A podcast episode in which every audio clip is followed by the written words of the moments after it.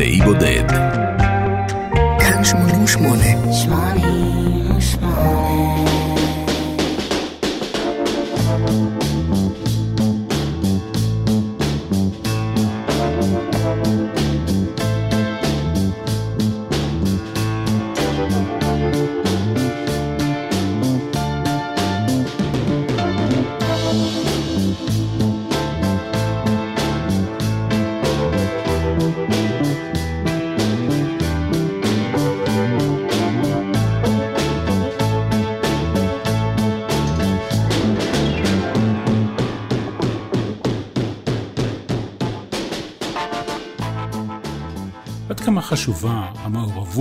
המפיק בהקלטת אלבומי מוזיקה פופולרית.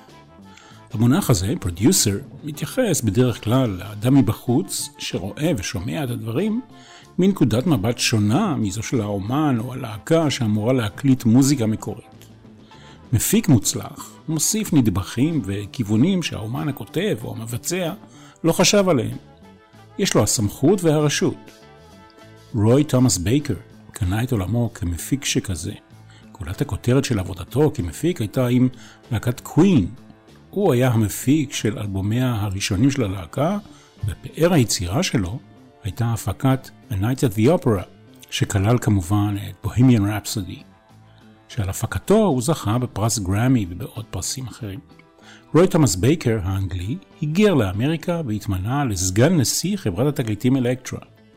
הוא הפיק גם את ארבעת האלבומים הראשונים של ה Cars.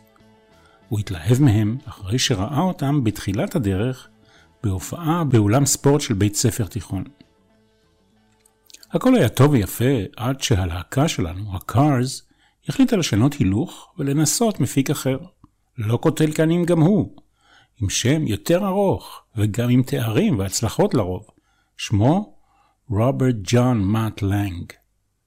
יליד צפון רודזיה ששייכת היום לזמביה, הוא גדל והתחנך בדרום אפריקה.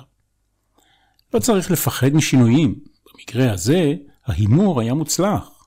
האלבום החמישי של הקארס, Heartbeat City, היה המצליח ביותר שלהם, כולל שישה להיטים ותארים לרוב.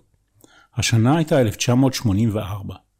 הלהקה, על אף היותה אמריקנית, הקליטה בלונדון, באולפנים שבהם הקליטו בין השאר 10 years after, Yes, Kinks, Donovan, Paul Simon, Led Zeppelin, Pink Floyd, Joan Armatrading, Cat Stevens, Paul McCartney, Jethro Tull, Rod Stewart, Black Sabbath, UFO, The Cure ואחרים.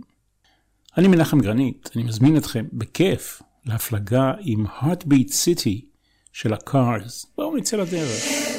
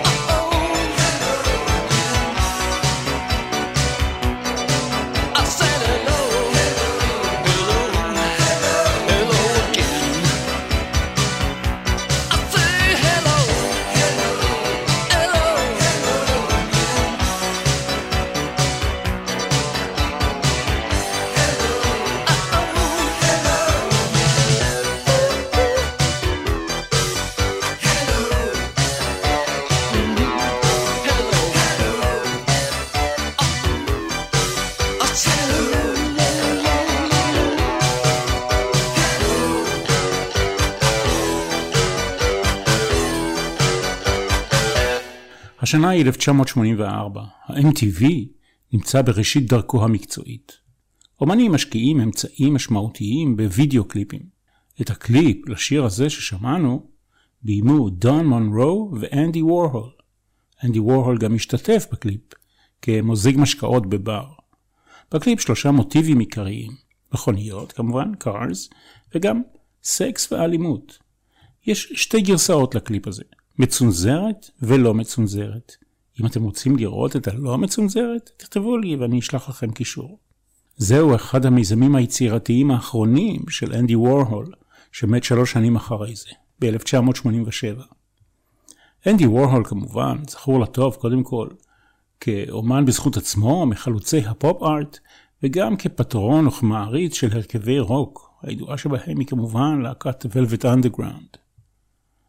הגיע הזמן להכיר את החברים בקארס. בואו נתחיל מהגיבור המרכזי. נקדים ולומר שלצערנו הוא כבר לא איתנו. קראו לו ריק אוקייסק, או אות קייסק במקור. אבא שלו היה מנתח מערכות בשביל נאסא, אבל ריק העדיף לנתח אקורדים ולנגן בגיטרה. כל השירים שתשמעו כאן נכתבו על ידו. אחד מהם בשיתוף עם הקלידן. בכלל, אוקאסק היה סופר יצירתי. הוציא בימי חלדו שבעה אלבומים עם ה Cars, שבעה אלבומי סולו. הפיק לעצמו ולאחרים למעלה מ-35 אלבומים. הוא כתב ספר שירה שראה אור בשנת 1993 תחת הכותרת Negative Theater. התכנון המקורי היה לשלב את הספר הזה בתוך יצירת מולטימדיה בשם זה, אבל התוכנית הזאת לא יצאה אל הפועל. אוקייסק היה טוב גם ברישום גרפי, הכנת קולאז'ים של תמונות ועבודות אמנות מעורבות. תערוכה מיצירותיו הוצגה ב-2009 בגלריה בקולומבוס, אוהיו. ב-2012 הוציא אוקייסק ספר בשם Lyrics and Prose, אוסף שלם של המילים לכל השירים שלו, של הקארס, ספר שהכיל גם פרוזה ושירה שמעולם לא פורסמה, לצד צילומים ויצירות אמנות שלא ראו אור. בקיצור, איש אשכולות.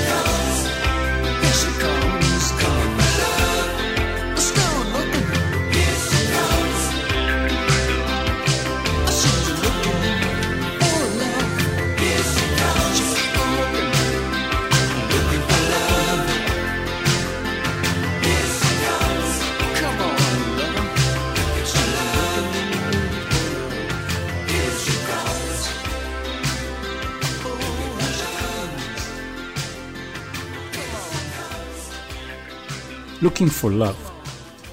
אין שום דבר מרגש בהיסטוריה של הקמת הקארס. הציר נע סביב היצירתיות והאמביציה של ריק אוקייסק שלנו. קווי המתאר הפיזיים של דמותו היו דומיננטיים מאוד בעמודי עיתוני הפופ באותם הימים, ומאוחר יותר גם בקליפים שהוקרנו בערוצי הטלוויזיה. בחזית עמד לו ריק אוקייסק, מראה מנוגד לדימוי הקלאסי של כוכב רוק, צנום, דג גזרה, משקפי שמש מלבניים. לבוש באלגנטיות, בחליפה ועניבה דקת גזרה כמוהו. מדמותו, ממבטו הממזרי וחיוכו המרומז, אפשר היה להניח שהוא אדם שיודע ליהנות ממנעמי החיים. הלהקה קמה ב-1976 והייתה מזוהה עם זרם ה-New Wave. את השם The Cars, שם לא מקורי בעליל, המציא המתופף של הלהקה. בשלב הזה שבו אנו עומדים, בפתחו של האלבום החמישי, ה-Cars הם כבר להקה פופולרית עם כמה וכמה להיטים בולטים באמתחתם. האלבום החמישי ראה אור ב-1984 כאמור, אחרי שהם בילו, בילו במרכאות, חצי שנה באנגליה בעבודה על האלבום הזה. כאמור, עם דגש חזק על הפקת קליפים. לשיר הבא, אחד הלהיטים מהאלבום הזה, הופק קליפ בבימויו של טים פופ, אחד ממפיקי הקליפים הידועים ביותר. הקליפ צולם באחוזה של משפחת הילטון, כן, זו בעלת בתי המלון, ובבריכה שלה מתהלך לו ריק אוקייסק על פני המים, כאילו היה ישו. חפשו את הקישור, הוא נמצא בדף של התוכנית בפייסבוק. Magic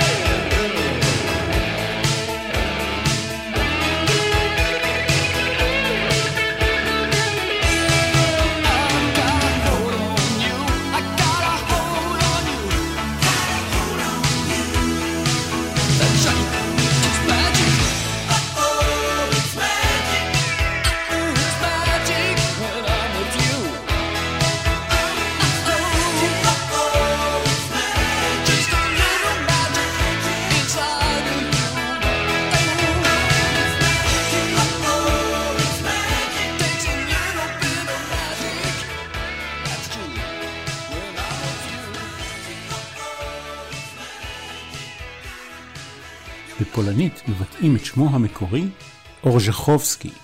באמריקה קראו לו ארצ'ובסקי. זה כנראה אחת הסיבות שהוא קיצר את שמו לאור, בנג'מין אור. השורשים המשפחתיים שלו הגיעו מפולין, רוסיה, צ'כוסלובקיה וגרמניה. חבריו בבית הספר קראו לו בני 11 letters, על שם 11 האותיות בשם המשפחה המקורי שלו. בקיצור, בנג'מין אור. הוא החבר המשמעותי השני בלהקה שלנו, הקארס. הוא וריק אוקייסק הכירו בשנות ה-60, ואחרי כמה גלגולים הם היו להורים המייסדים של הקארס. בדרך הוא הקים והנהיג להקה בשם The Grasshoppers. הוא התגייס לצבא, צבא ארצות הברית, ושירת כחייל שנה וחצי. ועוד יהיה לו גלגולים. בנג'מין אור היה נגן הבאס בלהקה וגם סולן לעת מצוא. אבל סגולותיו המוזיקליות היו רבות והתפרסו על פני גיטרות, קלידים, תופים. הוא היה סולן בכמה מלהיטיה הגדולים של הקארס, אחד מהם יושמע כאן מיד.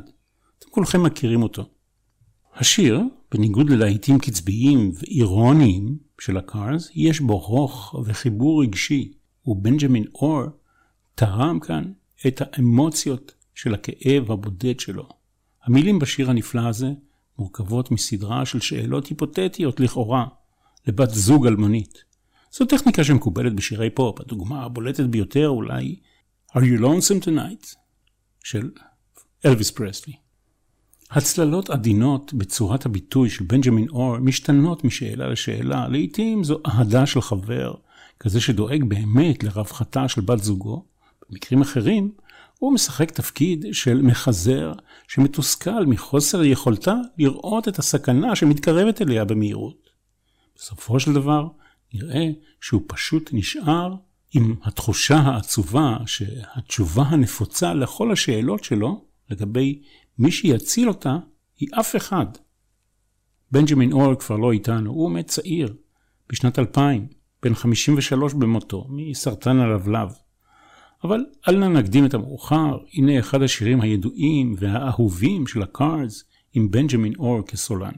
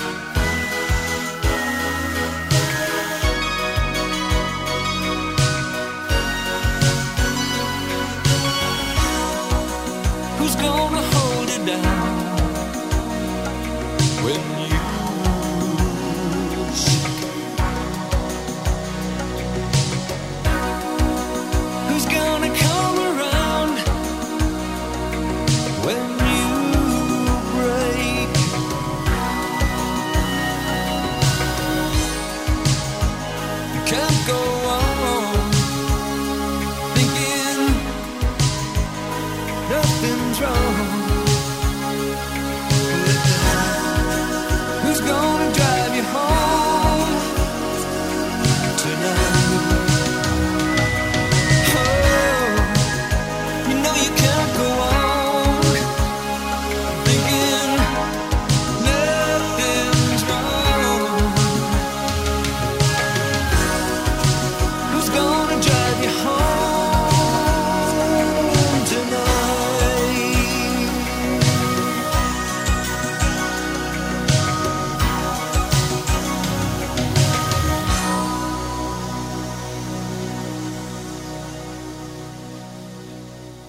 היה Drive כמובן. את הקליפ לשיר הזה אתם מכירים? שוב, להזכירכם, ימי ראשית ה-MTV ולווידאו קליפים יש משמעות רבה. הנה נכנסת לפריים הדוגמנית ממוצא צ'כי, פאולינה פוריזקובה, שמשתתפת בקליפ הזה. היא הייתה בת 18 כשהקליפ הזה צולם. ההשתתפות שלה בקליפ תוביל בסופו של דבר לנישואיה למנהיג להקת הקארס, ריק אוקייסק, למרות שהיא הייתה צעירה ממנו ב-21 שנים, לא פחות. את הקליפ ביים השחקן טימותי האטון, וגם זה הוביל למשהו פרודוקטיבי. החברות בין האטון לריק אוקייסק הובילה לשיתופו של זה האחרון כשחקן בסרט Made in Heaven ב-1987, סרט שבו משתתף אגב גם ניל יאנג כנהג משאית. אחרי מותה של הנסיכה דיאנה, תחנת הרדיו הבריטית XFM אסרה לשידור שירים מסוימים שעשויים היו לגרום לתסכול ואי נוחות בקרב הקהל. אחד מהם היה השיר הזה, Drive. השיר הזה בוצע על ידי הקארס במופע ה-Live Aid ביולי 1985, וגם שימש כרקע לסדרת סרטונים שתיארה את הרעבים באפריקה שלשמם הופק האירוע הזה. ההוצאה המחודשת של השיר בעקבות ה-Live Aid יועדה לאסוף כספים, כספים נוספים, עבור הרעבים באפריקה. בסופו של דבר, ריק אוקייסק הגיש למארגני המופע המחאה על סך 160 אלף לירות סטרלינג לטובת העניין. השיר הבא של הקארס שנשמע גם הוא מושר על ידי בנג'מין אור, Stranger Eyes.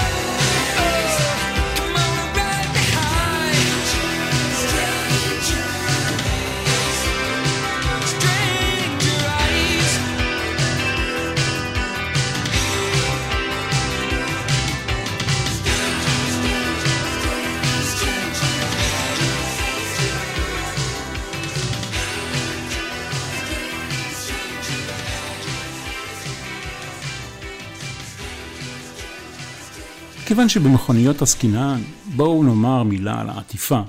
מדובר ביצירה של אומן בריטי מחלוצי הפופ-ארט, פיטר פיליפס, וביצירה שלו שנקראת Art-O-Matic Loop de Loop. הגודל המקורי של היצירה 200 על 400 סנטימטר, אקריליק על בד, ויש בה, ביצירה המקורית, הצדעה לתעשיית המכוניות האמריקאית, שאז הייתה בשיאה. היצירה היא משנת 1972, והמכונית המופיעה באלבום היא פלימות' דסטר משנת 1971. למביני עניין אנחנו נוסיף שמדובר בגרסת קופה דו-דלתית של מכונית הפלימות' וליאנט, ששווקה בארצות הברית אה, בשנים 1970 עד 1976. מיד נשמע מה שהתפרסם כלהיט הראשון מתוך האלבום הזה של הקארז, אבל לפני זה תזכורת מעידן הוידאו קליפים. הקליפ לשיר הזה הוא מהראשונים שהשתמשו בגרפיקה ממוחשבת. כיום, בעידן הטכנולוגי שבו אנחנו חיים, זה נראה פרימיטיבי במקצת.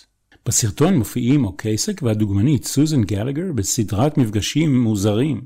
הוא מופיע במראה בשירותים שלה, בתוך פריסקופ גדול שצץ באמבטיה שלה, בפה שלה, כזבוב, כקינג קונג, על גבי בניין האמפייר סטייט וכדומה. הקליפ הזה, שאותו כמובן תוכלו לפגוש בדף הפייסבוק של התוכנית, זכה בפרס ראשון בתחרות הראשונה שהתקיימה אי פעם ב-MTV ב-1984.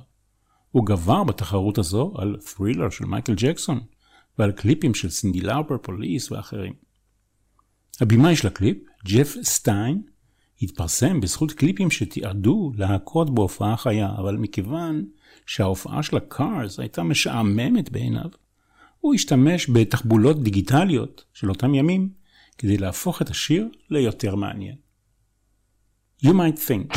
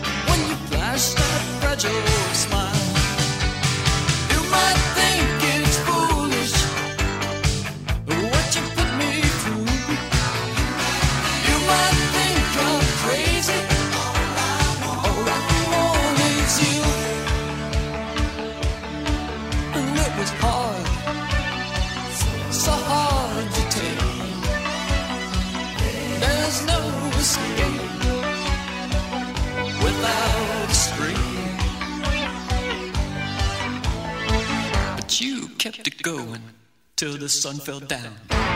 You kept it going.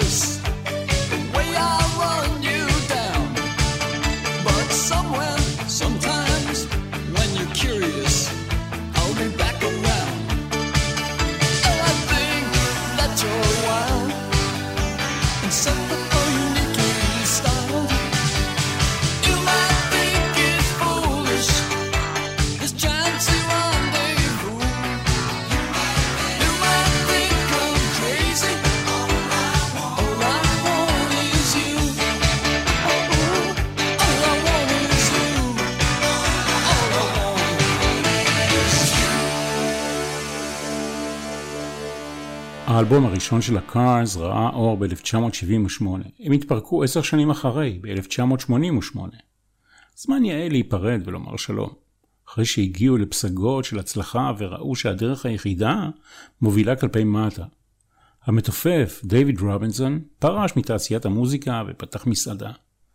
הגיטריסט אליוט איסטון והקלידן גרג הוקס הצטרפו להרכב שנקרא The New Cars, למעשה הרכב קאברים עם הסולן טוד רונדגרן במקום ריקו קייסיק. בנג'מין אור מת כאמור ממחלת הסרטן בשנת 2000. למרות הפירוק ב-2011 הם התכנסו מחדש בלי בנג'מין אור, שכאמור כבר לא היה בחיים, והקליטו אלבום נוסף. אלבום אחרון בהחלט. האלבום הוקדש לזכרו של בנג'מין אור. את תפקיד הבאס במקומו הקליטו חברי הלהקה הנותרים. ב-2018 היה איחוד רגעי שבו הם ביצעו ארבעה שירים בטקס הכנסתם להיכל התהילה של הרוק אנד רול. It's not the night.